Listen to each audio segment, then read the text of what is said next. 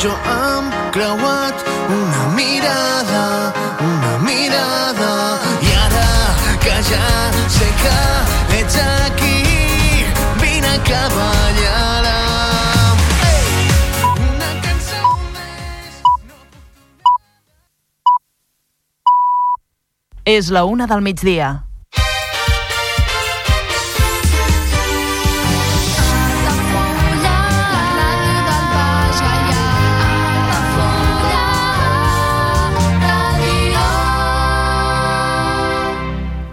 Altafulla Ràdio. Serveis informatius.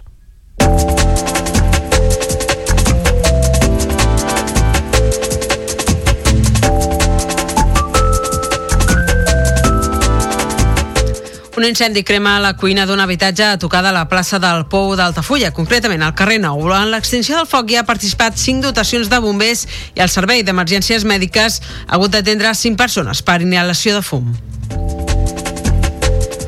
La setmana que ve es començarà a reparar el passeig de botigues de mar. L'actuació té un cost de 80.000 euros. Durarà aproximadament un mes i l'assumeix l'Ajuntament d'Altafulla. El govern municipal explicarà els detalls del pressupost en una audiència pública aquest dissabte a les 10 del matí a la sala de plens. Els regidors desgranaran les despeses i inversions previstes en cada àrea i respondran als dubtes de la ciutadania que hi vulgui participar. El Tamarit Beach Resort, novament reconegut com un dels millors càmpings d'Europa. L'any vinent comptarà amb un nou allotjament exclusiu i preveu altres novetats a les seves instal·lacions.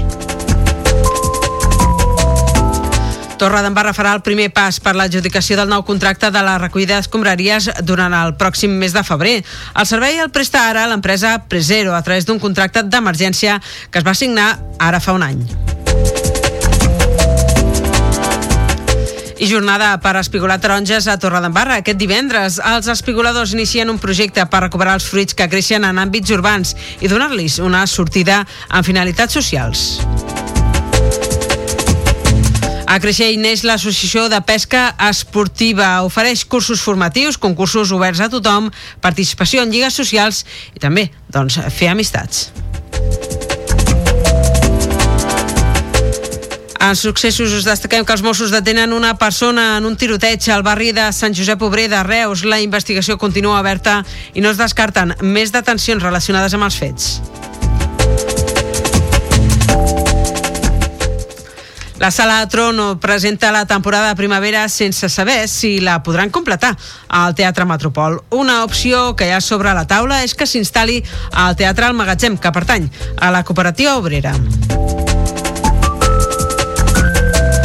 I en esports us destaquem que hi ha una nova escola de tennis i pàdel a les instal·lacions del Club Marítim Altafulla. Els germans Jordi i Mariona del Paral porten les regnes de l'escola que compta amb 18 alumnes i que pretén créixer i consolidar-se.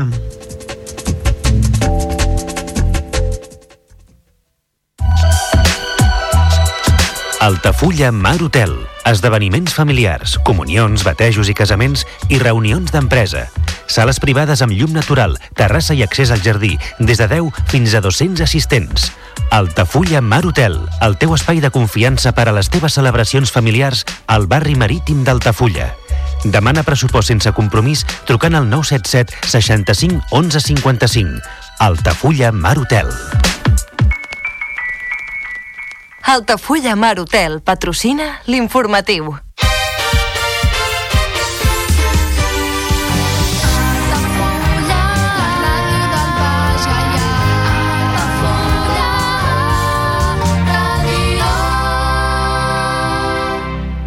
Altafulla Ràdio.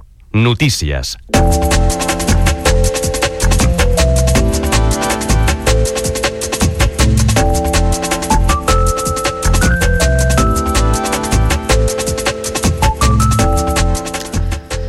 En sobre aquest dimecres al vespre a tocar de la plaça del Pou amb un incendi a l'habitatge número 13 del carrer Nou. Sortosament ha quedat en un ensurt, ja que no van haver de lamentar-se ferits, tot i que la cuina de l'habitatge va quedar força malmesa, ja que és el lloc on es va produir el foc. A un quart de vuit del vespre rebia l'avís i els bombers acudien al lloc dels fets amb cinc dotacions per treballar la seva extinció, que es va donar per acabada sis minuts abans de les 8 del vespre.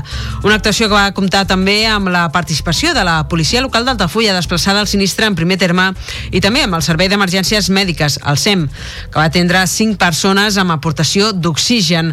Aquestes haurien inhalat el fum de la combustió que havia omplert l'habitatge. Des del cos de bombers de la Generalitat s'ha explicat en aquesta emissora que la principal hipòtesi en la causa de l'incendi seria la d'un descuit. S'haurien deixat menjar cuinant-se als fogons. Des del consistori han expressat el seu suport a la família que es va quedar sense poder accedir a l'immoble presentat fins que no es netegi de restes de vidres i altres elements fruit del mateix incendi dels treballs d'extinció. Segons els bombers, l'edifici no pateix danys estructurals.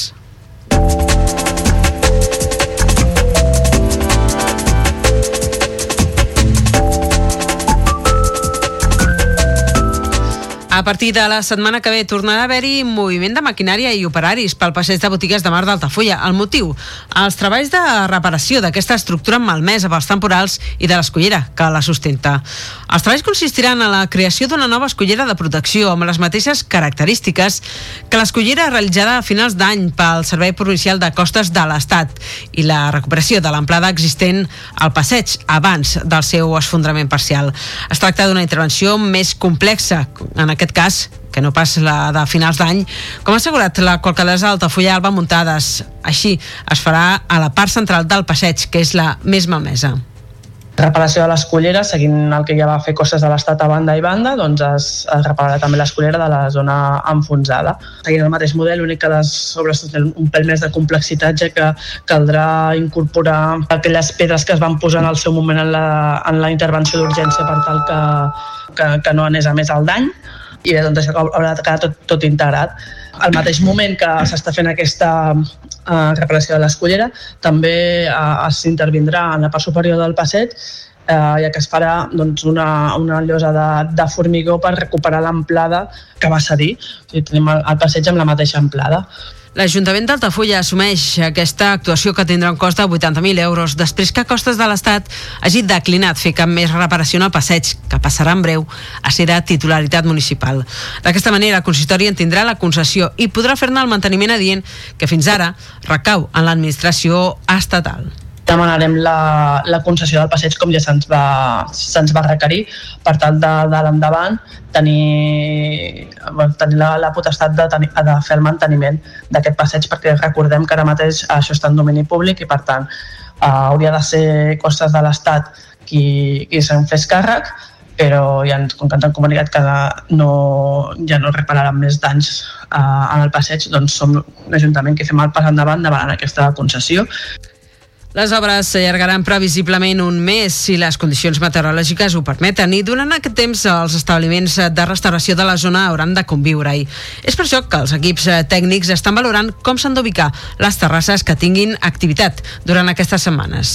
Les terrasses conviuran amb aquestes obres, haurem de determinar a veure com, com poden conviure i un cop acabades doncs, eh, es valorarà si aquestes terrasses poden tornar al lloc, a, al lloc habitual a la banda de mar del passeig, que esperem que sí, perquè que es fa la, aquesta, aquesta actuació de la llosa de formigó, que evidentment serà prou sòlida com perquè s'hi posin, i a veure quin element això de seguretat posem al límit de, del passeig perquè també aquestes terrasses puguin tornar al, al seu lloc habitual. Com escoltàvem que explicava Muntades, es valorarà també la ubicació d'aquests annexos dels establiments de restauració un cop finalitzin les obres. Es confia, doncs, que les terrasses puguin tornar a la seva ubicació habitual, al límit amb la sorra, ja que hi haurà una nova llosa de formigó i un element de seguretat que substituirà el muret esfondrat. El consistori ha anunciat que de tot plegat se'n parlaran els pròxims dies amb els afectats per valorar conjuntament aquests aspectes.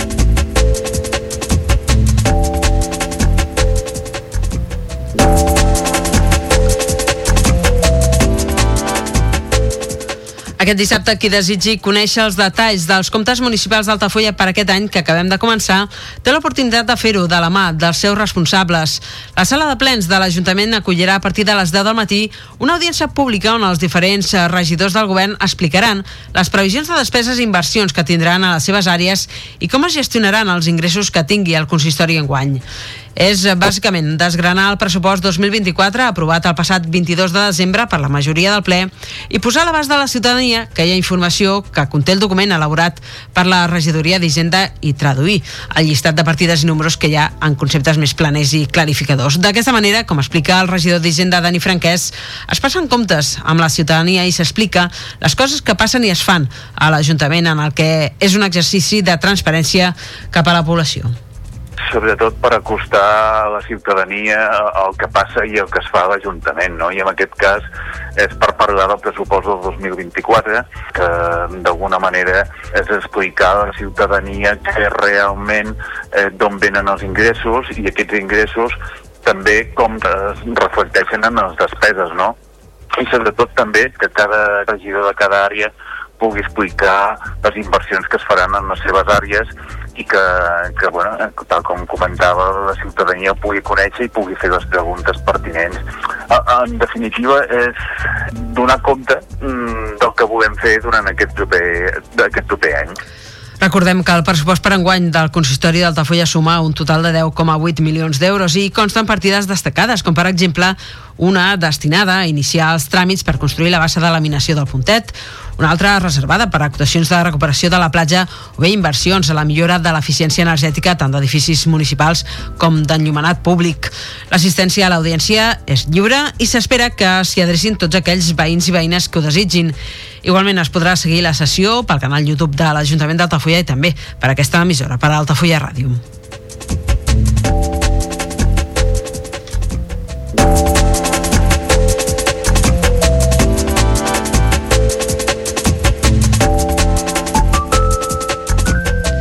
I anem ara a tocar d'Altafulla, a vora del riu Gallà, perquè el càmping Tamarit Beach Resort ha estat un any més reconegut com un dels millors càmpings d'Europa per les dues associacions referents al continent en aquest sector. Per una banda, l'Associació Automobilística de Referència als Països Baixos, la NB-B, amb més de 4 milions i mig d'usuaris, ha inclòs el Tamarit Beach Resort com un dels millors càmpings d'Europa i li ha atorgat 5 estrelles. Està, doncs, al top càmpings de l'entitat. Una distinció que també tenen quatre altres càmpings de la demarcació, entre aquests l'Estel, el càmping Estel, de Roda de Barà. I per altra banda, la guia alemanya d'automobilistes, el Gemeiner Deutscher Automobil Club, ADAC, entitat amb 20 milions de membres, l'ha inclòs al seu rànquing de Superpletxe 2024, un superlloc, la major distinció del sector canvista alemany. Des del càmping tarragoní es considera que amb aquestes distincions es valora l'esforç que fan cada any per millorar les seves instal·lacions i els serveis que s'ofereixen als clients. Així ho destaca el gerent del resort, Víctor Gómez. És producte d'un esforç enorme de creixement continu i, i nosaltres cada, cada any fer unes inversions importants per millorar les instal·lacions i també augmentar el nivell de servei amb un, amb una plan, amb un planter de personal també cada cop més nombrós. I per aquest any eh, la intenció és seguir, seguir amb les inversions Gómez ha avançat a Altafulla Ràdio que ja estan treballant en novetats per la temporada vinent i una d'aquestes serà una sorpresa en forma d'un tipus d'allotjament exclusiu que no es pot trobar en lloc del territori estatal, ha explicat. A més, es construirà una nova sala de reunions a l'entrada al càmping i es milloraran les instal·lacions esportives del complex estem implantant i hem començat a muntar un nou tipus d'allotjament que serà exclusiu del Tamarit Beach Resort no, no s'ofereix a, cap, a cap altre càmping d'Espanya. És un model dissenyat, com deia, exclusivament per Tamarit i eh, estem fent, eh, ja estem muntant una nova sala de conferències a l'entrada del càmping i l'any que ve encara tenim més, més plans de, per millorar la zona de piscina i aquest any també estem millorant la zona esportiva i tot això és per mantenir aquest, aquest nivell de servei que estem oferint i que ens permet aconseguir aquests premis. Eh, aquestes millores anunciades per Gómez són molt ben rebudes també per l'Associació de Càmpings de la Costa Daurada i les Terres de l'Ebre, de la qual en forma part el Tamarit Beach Resort. I es destaca la dificultat que any rere any els càmpings de la demarcació segueixin sent reconeguts com els millors d'Europa. Així mateix, la seva presidenta, Mireia Sanz, assegura que s'ha molt demostrat un altre any que som una potència mundial al sector i que és un orgull comptar amb aquests càmpings al territori.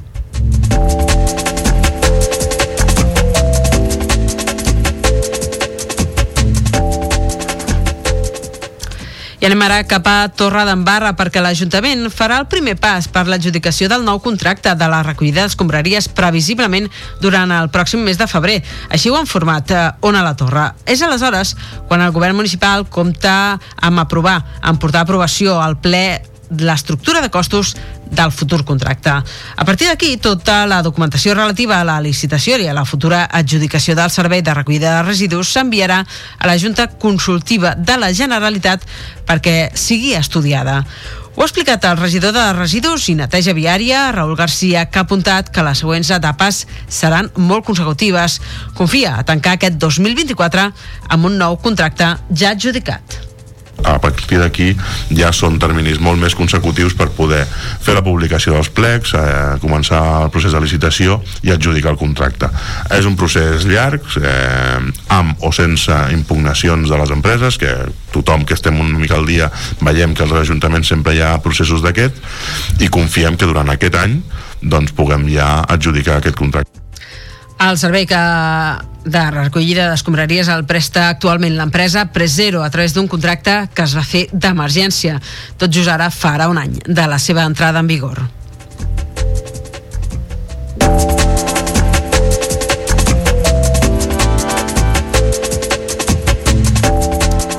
I no ens movem de Torre d'Embarra perquè l'entitat Espigoladors proposa una nova jornada per recuperar aliments a la zona del Baix Gallà. En aquesta ocasió no es tracta d'anar a un camp de conreu a recuperar aquells excedents de producció o aliments sense sortida comercial, com s'havia fet, s'ha fet en diverses ocasions aquí a Altafulla, a Horta Blanc, sinó que es proposen recuperar les taronges amargues dels carrers dels pobles. Així, aquest divendres és previst que actuïn a Torre d'Embarra, on hi ha una bona quantitat d'arbres tarongers amb fruits que fins ara no tenen cap utilitat per ningú i són considerats residus. El responsable d'Espigoladors a Tarragona, Dani Martínez, fa una crida a tothom qui desitgi donar un cop de mà a l'entitat aquest divendres a la Vila Torrenca. Vol ser part de la solució i col·laborar en la recuperació d'un residu urbà i transformar-lo en un recurs per a entitats socials? Aquest proper divendres, de 10 del matí a una de la tarda estarem pels carrers de Torre d'Embarra recollint la taronja amarga que penja dels arbres de la ciutat. Som els espigoladors i necessitem braços que ens ajudin a recollir aquestes taronges amargues que posteriorment les transformarem en deliciosa marmelada de taronja amarga que entregarem a entitats socials. L'acció d'aquest divendres s'emmarca en el projecte Urban ITA, amb un joc de paraules entre concepte urbà i el concepte de menjar en anglès. Aquest projecte pretén explorar el potencial comestible de l'arbrat urbà i en un context de canvi climàtic asseguren Diuen que no ens podem permetre malbaratar tots els recursos alimentaris dels nostres municipis. És per això que proposen recollir les taronges urbanes amb els veïns i veïnes a través del seu teixit associatiu i l'entitat les transformarà en un recurs alimentari que podran aprofitar, en aquest cas en forma de marmelades, que es destinaran a entitats socials. Es busca aproximadament unes 25 persones voluntàries per espigolar entre les 10 del matí i la 1 del migdia aproximadament. Per participar-hi cal contactar amb l'entitat a través dels links que es poden trobar a les seves xarxes socials. Els espigoladors s'encarreguen dels materials necessaris per collir les taronges.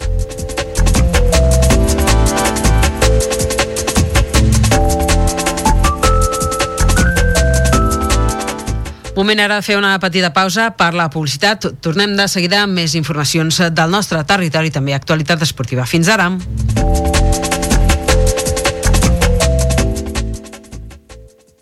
Ja coneixes les propostes que t'ofereix el Club Marítim Altafulla? Vine i descobreix totes les nostres activitats. Sortides en caia, copà del surf, cursos de vela per a totes les edats. No t'ho perdis. Club Marítim Altafulla. Obert tot l'any i per a tothom. Comunions 2024. Dates ja disponibles amb sales privades, jardí, pàrquing privat i la millor gastronomia. Més informació i reserves al 977 65 11 55 i a comercial arroba altafullamarotel.com o al web altafullamarotel.com. Les teves celebracions familiars a l'Altafulla Mar Hotel. Carrer Major, el programa de les emissores del Camp de Tarragona. Cada dia de 4 a 6 de la tarda, el que passa al Camp de Tarragona t'ho expliquem amb la major redacció d'un programa de territori quilòmetre zero. Periodisme de proximitat, continguts de qualitat, amb Anna Plaza i Toni Mateos. Carrer Major.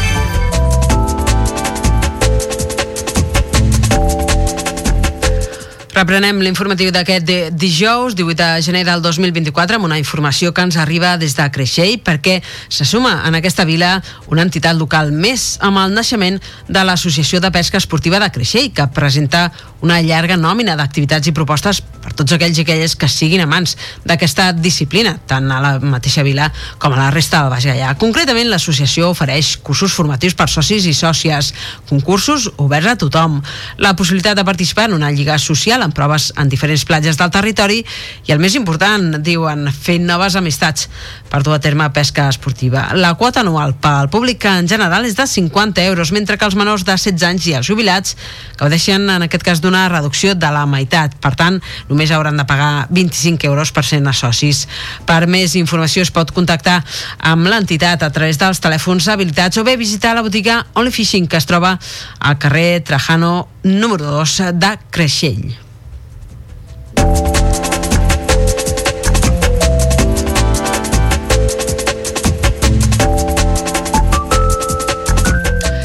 Obrim eh, plana de successos perquè almenys hi ha hagut eh, un detingut com a mínim relacionat amb el tiroteig d'aquest dimecres al voltant de les 10 del matí al barri de Sant Josep Obrer de Reus.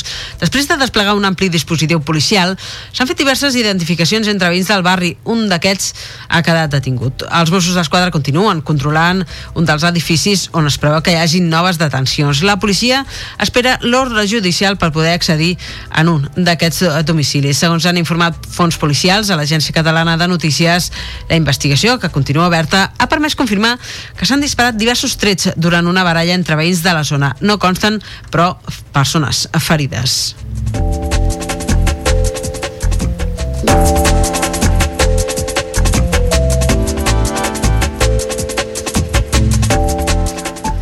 I en plana cultural us expliquem que la Sala Trono, que dirigeix el veí de la Riera de Gallà, Joan Negrier, ha presentat la temporada de primavera sense saber si la podran completar al Teatre Metropol, que ha estat la seva seu durant els darrers anys. I és que el dia 31 de març començaran les obres de rehabilitació del Teatre Modernista i la Trono encara no disposa d'un espai alternatiu. Hi ha la possibilitat que els espectacles programats a l'abril i al maig encara es puguin fer al Metropol si la primera fase dels treballs ho permet. Negri ha dit que la situació encara és incerta i que no saben on seran d'aquí dos mesos. Ha explicat que busquen alternatives i que, com a mínim, han aconseguit que Ajuntament i Generalitat treballin plegats en la cerca d'una solució. de que cada vegada que un govern canvia la ciutat has de tornar a explicar un projecte que porta 20 anys en funcionament desgasta molt. Sempre he dit que hem d'anar de la mà perquè un teatre funcioni i és el que en principi sembla que està passant ara cosa que no havia passat fins ara La televisió pública del Camp de Tarragona. TAC 12 ha avançat aquest dimecres que una opció que hi ha sobre la taula seria que la Trono s'instal·lés temporalment al Teatre El Magatzem, que pertany a la cooperativa obrera. La programació de primavera de la Trono començarà el 2 de febrer i inclou 16 propostes. Entre els espectacles programats hi ha Austràlia, d'Israel Solà, El gegant del Pi, en Pau Vinyals, i Cadires, amb Oriol Genís i Montplans. També s'ha programat la màquina Hamlet, dirigida pel tarragoní Marc Jornet.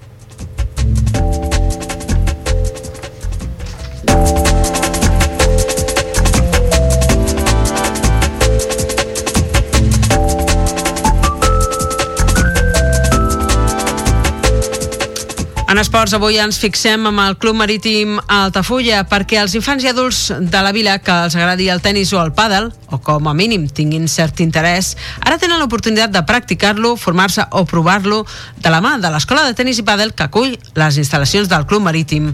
L'entitat fa molt de temps que compta les pistes d'aquestes dues modalitats, però ha estat eh, fa relativament poc quan ha cedit la gestió de les activitats de raqueta a uns professionals de la matèria. Es tracta dels germans Jordi i Mariona del Paral, dos tècnics titulats que s'encarreguen de dirigir les sessions de formació amb la coordinadora amb la coordinació de la seva mare, que és Montse Franzin. L'escola compta actualment amb 18 alumnes, la majoria dels quals procedeixen de les escoles de primària del municipi. És un bon punt de partida per l'objectiu que es marquen el seu responsable, que és arribar a formar una escola de tennis sòlida i tant de bo també diuen de pàdel i que arribi a competir a escala territorial. Així ho ha explicat Franzin en una entrevista concedida al programa Baix Gaia Esports. Estem a, a dos clubs més, estem també al Club Esplai Constantí, que dir, va menjar també l'escola que estava amb zero també. Portem, ja mira, aquest gener farà 8 anys, tenim una escola ja amb 70 alumnes, i també estem al Club Tenis al Catllà. No? I ara, mira, ens agrada molt els reptes aquests d'aixecar instal·lacions que estan a zero, saps? i veure que som capaços de, bueno, d'intentar arribar a formar doncs, unes escoles sòlides i amb alumnes doncs, que ens participen en totes les competicions eh, territorials. Mm. Això és el nostre objectiu. Les sessions es duen a terme dilluns i dimecres de 3 quarts de 5 de la tarda a 6 amb dos grups diferenciats. S'amplien les franges horàries, s'ampliaran a mesura que arribin més participants. De moment, tots són d'iniciació i s'espera que en dos o tres anys es puguin fer diferents grups de nivell. I el cert és que les presses no casen ni amb el tennis ni tampoc amb la manera de treballar que tenen Franzin i els seus fills. De fet, assegura que es tracta d'un esport molt dur perquè requereix una base tècnica molt important. Per tant, aquells que el vulguin practicar han de tenir clar que la constància i la dedicació són fonamentals i que totes les qualitats que s'obtenen es poden transferir, diuen, a la vida quotidiana. El tenis és un esport molt dur, molt dur perquè requereix un, una base tècnica molt important i tot el que sigui tècnica és repetició, repetició perfeccionament, saps? Llavors no és com jugar a futbol, que millor o pitjor tots xutem la pilota i tots fem un passe, no? En tenis no, en tenis si tu no tens tècnica no passes una pilota a l'altra banda. Llavors jo sempre s'hi dic el mateix, nois, no heu escollit un esport que no és fàcil. Però bueno, tasca nostra és doncs, incentivar-los, motivar-los i mantenir aquesta il·lusió en l'aprenentatge. Ara, no és un esport senzill i és un esport que reculls els fruits al cap de molt de temps, no és immediat. Saps? Més enllà de les sessions amb aquests dos grups, l'escola també ofereix classes particulars amb adults i infants. Són cursos intensius de dues hores al dia als períodes, per exemple, de Nadal o a l'estiu. Els responsables també preveuen fer pròximament alguna jornada de portes obertes per donar-se a conèixer. De moment, els interessats a demanar informació poden contactar-hi a través del telèfon 655 21 19 17.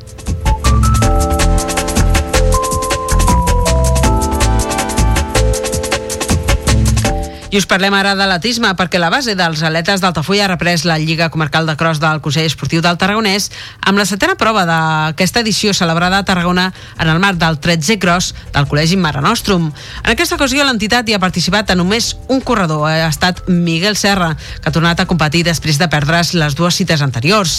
L'Altafulla que ha sumat un altre bon resultat després de- d'arribar segon classificat a la categoria cadet masculí.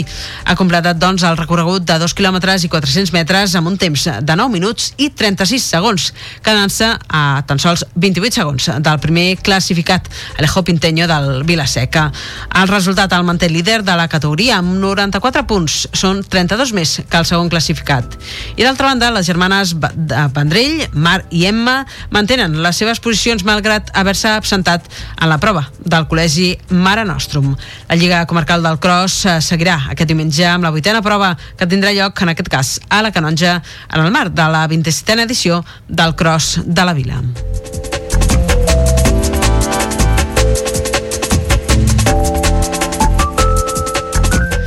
A punts eh, de l'actualitat esportiva que ens acompanyen fins al final d'aquest informatiu, d'aquest dilluns, eh, d'aquest dijous, perdó, 18 de gener del 2024, com sempre en directe al 107.4 de la FM, de la freqüència modulada. Eh? Ens podeu seguir també en directe a través de l'aplicació per telèfons mòbils Android o bé a través de la TDT o del nostre web, www.altafullaradio.cat. Aquí també podeu recuperar la gravació de l'informatiu, així que ho desitgeu, el podcast. Ah, igualment, el perfil d'Altafulla Ràdio a les xarxes socials Facebook i X, antic Twitter, està actiu per portar-vos l'última hora del que passi a casa nostra.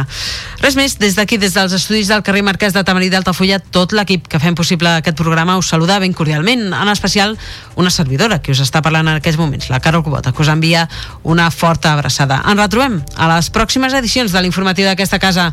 Que vagi molt bé el dia. A reveure.